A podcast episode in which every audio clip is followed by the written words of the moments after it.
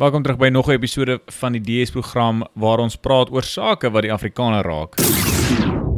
In hierdie episode is nog 'n langvorm gesprek episode en ek praat in hierdie episode met Sebastian Biel. Hy is in Duitsland gebore, maar het as 'n student na Suid-Afrika gekom en 'n Afrikaner geword. Sy liefde vir reis het net toegeneem. Hy woon sedert 2005 in Oranje en is tans navorser en toergids by die Oranje beweging. Sebastian het ook reeds twee romans die lig laat sien. Nou die koneksie was nie die beste nie en sy baba seentjie was woelig in die agtergrond, so ek moes dele van die episode bietjie uitsny en ek het al op 'n harde manier geleer dat mense nie sal luister na 'n potsending as die audio kwaliteit nie goed is nie. In elk geval ek daar was tog 'n paar stukkies wysheid en insig wat uitgekom het uit die gesprek en uh, ons beplan 'n opvolggesprek, maar mense kan dan tog hoor bietjie wat daar aangaan. Ek sal die skakels tot van sy skrywes en ook die skakels tot sy romans plaas in die beskrywingsafdeling van hierdie episode. So hier is hy, Sebastian Biel. Maar as ek kyk na van jou onlangse ja. artikel en ons kan mm. verder daaroor indelf, dan jy noem in jou artikel dis na Julie op Marlo Media hierso hier hierdie jaar in 2018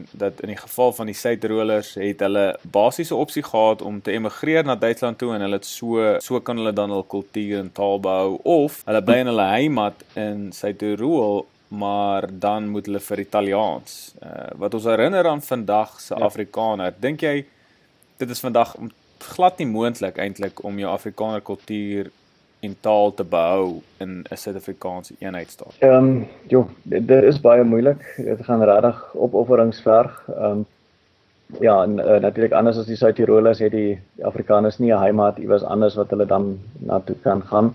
So dit is eintlik uh al is dit moeilik is eintlik die enigste opsie om binne in Suid-Afrika te laat werk. Ek dink nie dit gaan enigstens help om nou uh vir die Afrikaners te sê maar vestig bietjie in Rusland, bietjie in die VS, bietjie in Kanada, wat ook al uh, jy gaan net te versprei wees. Dan moet 'n konsentrasie wees om ja, om daardie selfbeskikking te kan uitleef. Uh, ek neem aan jy is bewus van um, Afriforum se kom ons sê nou maar um, halfpad strategie om Afrikaners in sekere dorpe en stede te konsentreer waar hulle eintlik reeds gekonsentreer is. Ehm um, waar hulle dan ten minste mate van kulturele selfbeskikking kan hê soos skole en en kultuurrade en, en baie goed. Natuurlik uit die aard van die saak Oranje se benadering is ehm um, dat ons uh, 'n meerderheid moet daarstel in 'n geografiese gebied en uh, dan kan ons eintlik in 'n groot mate doen wat ons wil doen. Van niemand ons regtig keer want ons doen dit alles uh, op 'n private basis. Ek hoor jou en ek het toe ek nou in Oktober al was 'n geleentheid gehad om 'n middagete te kan hê saam met Flipbuys en onder andere Flipbuys en Pieter Roo en en 'n klomp ander mense en dit was vir my ek het natuurlik raak gelees dat hy praat van hierdie hierdie fokusdorpe. Miskien kan ek jou dan persoonlik vra wat dink jy wat het jou Oranje toe getrek en wat is die beste daar deel daarvan om in Oranje te woon? Ehm um, ek is nou al so 13 jaar in Oranje en dit was inderdaad die hele idee van van selfbeskikking um, selfstandigheid wat ek al gesien het voor die tyd ek het gereeld daar gekom as 'n besoeker. Ek het destyds by Solidariteit gewerk, so ek was ook in kringe waar mense oor uh, Oranje gepraat het en ehm um, ja, op 'n stadium het ek maar net besluit om uh om nou my ideaal uh in praktyk uit te voer en uh om om dit daar te vestig. Stuur en kultuur aksies en al die goed wat mense buite die hele tyd oor praat en uh wat dit baie maar oor die oor die internet gedoen word, maar wat dit in um in die fisiese lewe eintlik amper afwesig is. Dit is maar 'n klomp individue wat wat mekaar nie hier ken nie en uh wat ook nie saam woon nie. So die die saamwoon is is nogal baie belangrik om uh selfbeskikking in praktyk te laat slaag. Ek stem met jou saam want ek het natuurlik ek woon ek is oorspronklik van Pretoria af, so dit het vir my sin gemaak om net eendag te gaan kyk hoe gaan dit ehm um, met die mense op Kleinfontein en te gaan kyk wat daar is, maar ek dink nie Kleinfontein ek dink nie hulle het sulke uh, so 'n massiewe uh, aanslag op die internet. Daar's nie so baie goed wat jy kan vind en gaan lees oor wat daar aangaan nie. Hmm. Ek dink Oranje is is wat dit aan betref baie meer aktief en dit is hoekom ek tyd op keer op keer as ek praat oor selfbeskikking of gaan lees of 'n gaan navorsing doen oor wat wat wat die nuwe verwikkelinge is, dan kom ek af op uh op selfs op jou skrywes op Marula Media of op die Oranje blad self.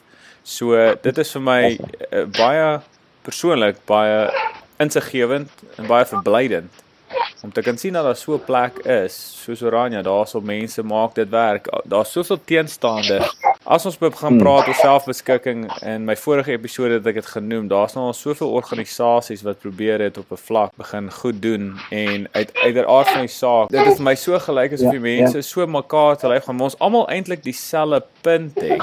Die dieselfde uiteinde wil bereikkom as 'n vrye en voorspoedige ja, plek waar ons kan woon. En ek het gepraat met 'n persoon wat betrokke was by 'n uh, organisasie met die naam Oase en hulle hmm. het toe en uh, kyk ons het gesit en gesels en die ou het verskriklik baie gepraat en was nie baie bereid om juist te luister nie dit gelyk asof dit min ja. of meer net 'n geval was van my manier of geen manier en dit ja, is dis ja, ja. dit is 'n gevoel wat my nog ons afgesit het ek dink as jy nou die hoof van 'n organisasie is en jy wil probeer mense werf om om vir hulle te leer hmm. en vir hulle te sê luister hierso's 'n uitweg moet mens bietjie meer hmm vriendeliker en en oopkop daarmee mm. ingaan ja. en en luister soveel as wat jy kan praat. Sê ek wat nou hierso mm. heeltyd sit in my backrack. Maar uh die ding wat wat hy gesê het was dat daar volgens internasionale reg moet Afrikaners 'n geskiedkundige trend hê of bewys hê dat ons 'n sekere plek vir jare nou al in mm. woon. En hy sê die geval van die Noord-Kaap is dit nie so nie want uiteraard die Noord-Kaap is meestal ja. kom ons nou wat ons nou wat ons noem kleurlinge en die Khoisan mm. area so te sê. Wat wat sou jy sê om antwoord op dit? Ja, daar's baie wat ek kan sê want ehm um, die Orania en Orania beweging het mense baie kere daardie redenasie van ja, maar Transvaal is nou die boere se land en alles dit mag histories so wees, maar feit is ook daar was ook maar nog altyd ander volke gewees. Mm. En selfs al al was dit 100 jaar gelede die die Afrikaners se land en al was hulle meerderheid daar ek meen die uh, die geskiedenis het aanbeweeg en ehm um, daar is nie 'n ding soos 'n internasionale reg van uh, verdrag van 100 jaar gelede wat geteken is waarop jy kan beroep en jy kan dit nie afdwing by by regte want op wie wie wil jy beroep? Ek meen die internasionale howe is ook maar beset met vandag se mense met vandag se denke en dit is nie mense wat wat die Afrikaner volk eintlik goed gesind is nie.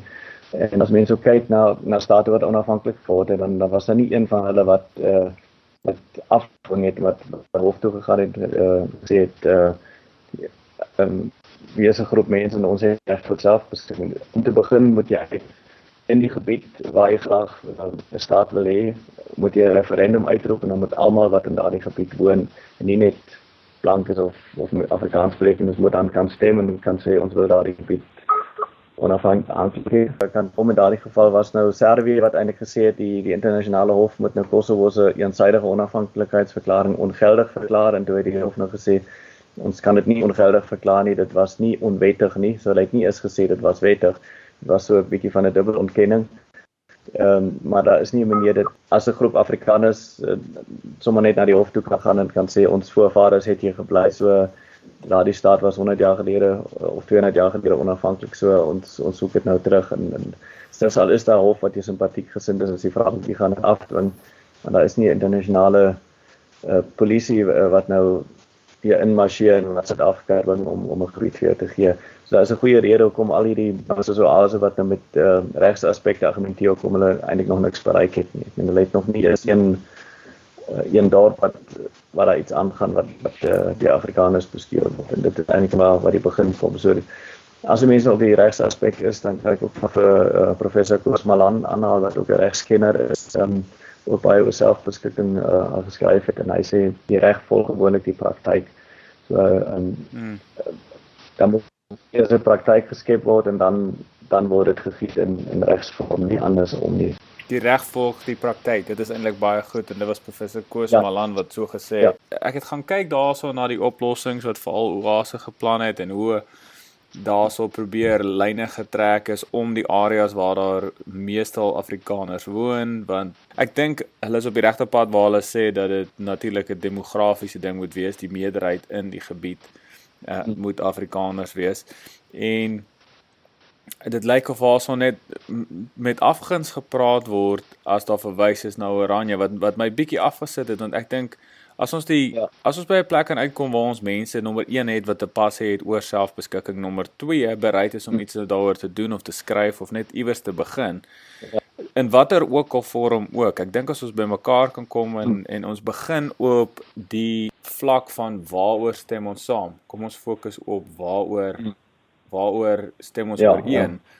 Hoekom ons ons hoef nie noodwendig te begin op waar ons verskil nie. Ons sal hmm. later daarby kom. Maar kom ons kom net eers by mekaar ja, en dan kom ons kyk of konfederasie en dan kan ons almal onder een kamp geskik word. Oranje, as ek nou praat van hmm. Oranje, is die mees vatbare ja. fisiese voorbeeld van waar mense dit nie nou al vir net 4 of 5 jaar ja. doen nie, sommer vir dekades lank al doen. Ja, dis reg. Dit is 27 jaar en um, as jy kyk waar was Oranje 20 jaar gelede en waar is hy nou en waar was ag mense nou ehm um, Delmas of wat wel nou in daardie oase gebied is of Morgenson en 20 jaar gelede en waar hy nou, ek meen die Afrikaners is baie minder en uh daar is eintlik al hoe minder is as kulturele selfbeskikking minder, daar's nie meer skool oor en min kerk en al sulke goed. So ja, Oranje het eintlik bewys ons benadering is reg, maar dit beteken nou nie dat ons uh sê al die Afrikaners moet hier toe kom of uh, ek meen natuurlik is ons dankbaar as op ander plekke ook iets aangaan en ons het mekaar ook nodig, moet absoluut skakeling wees en ons het goeie bande met solidariteit en ehm uh, Fransland en wie ook al so dit dit is nodig om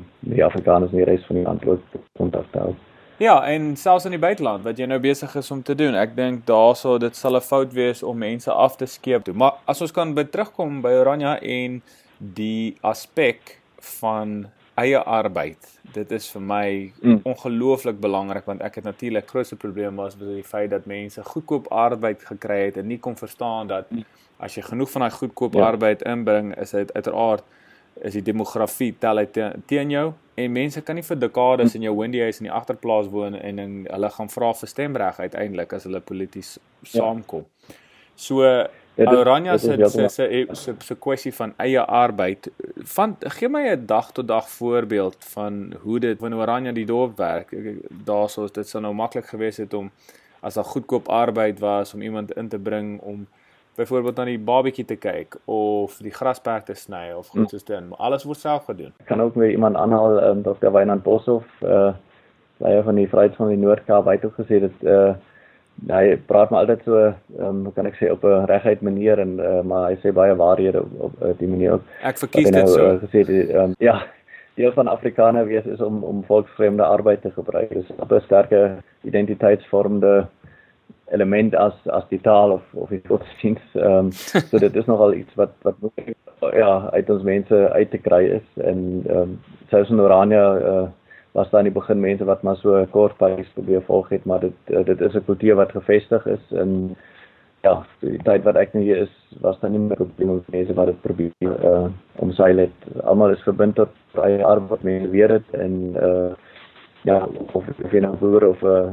uh, boukontrakteur is of wat ook al of 'n uh, skoonmaakdiens het, um, jy weet maar net dis dis die manier hoe dit nou raan gedoen word en uh jy mag dalk sukkel om die geskikte personeel te kry en daar's ook maar klomp troosters en alles maar die nog steeds die neeweffekte is is so voordelig um, dat dat niemand dit weer wil verander. Ek meen die dorp is netjies, dit is dit is veilig en uh ja, dit bly dit eie mense en jy het nie daardie vrees soos op ander plekke want uh, ja natuurlik uh, volksvreemde wat in 'n voorheen blanke woonbuurt inkom, uh, hy kan 'n misdadiger wees of hy kan 'n tuinier wees of 'n bediende wat ook al jy weet dit nie. In Oranje weet jy dadelik so iemand ja, uh, is nie 'n inwoner nie, hy kan dalk 'n besoeker wees, maar ehm um, ja, so ek sê die praktyk is ons ons het die misdaad van vreemdelinge weens die eie arbeid.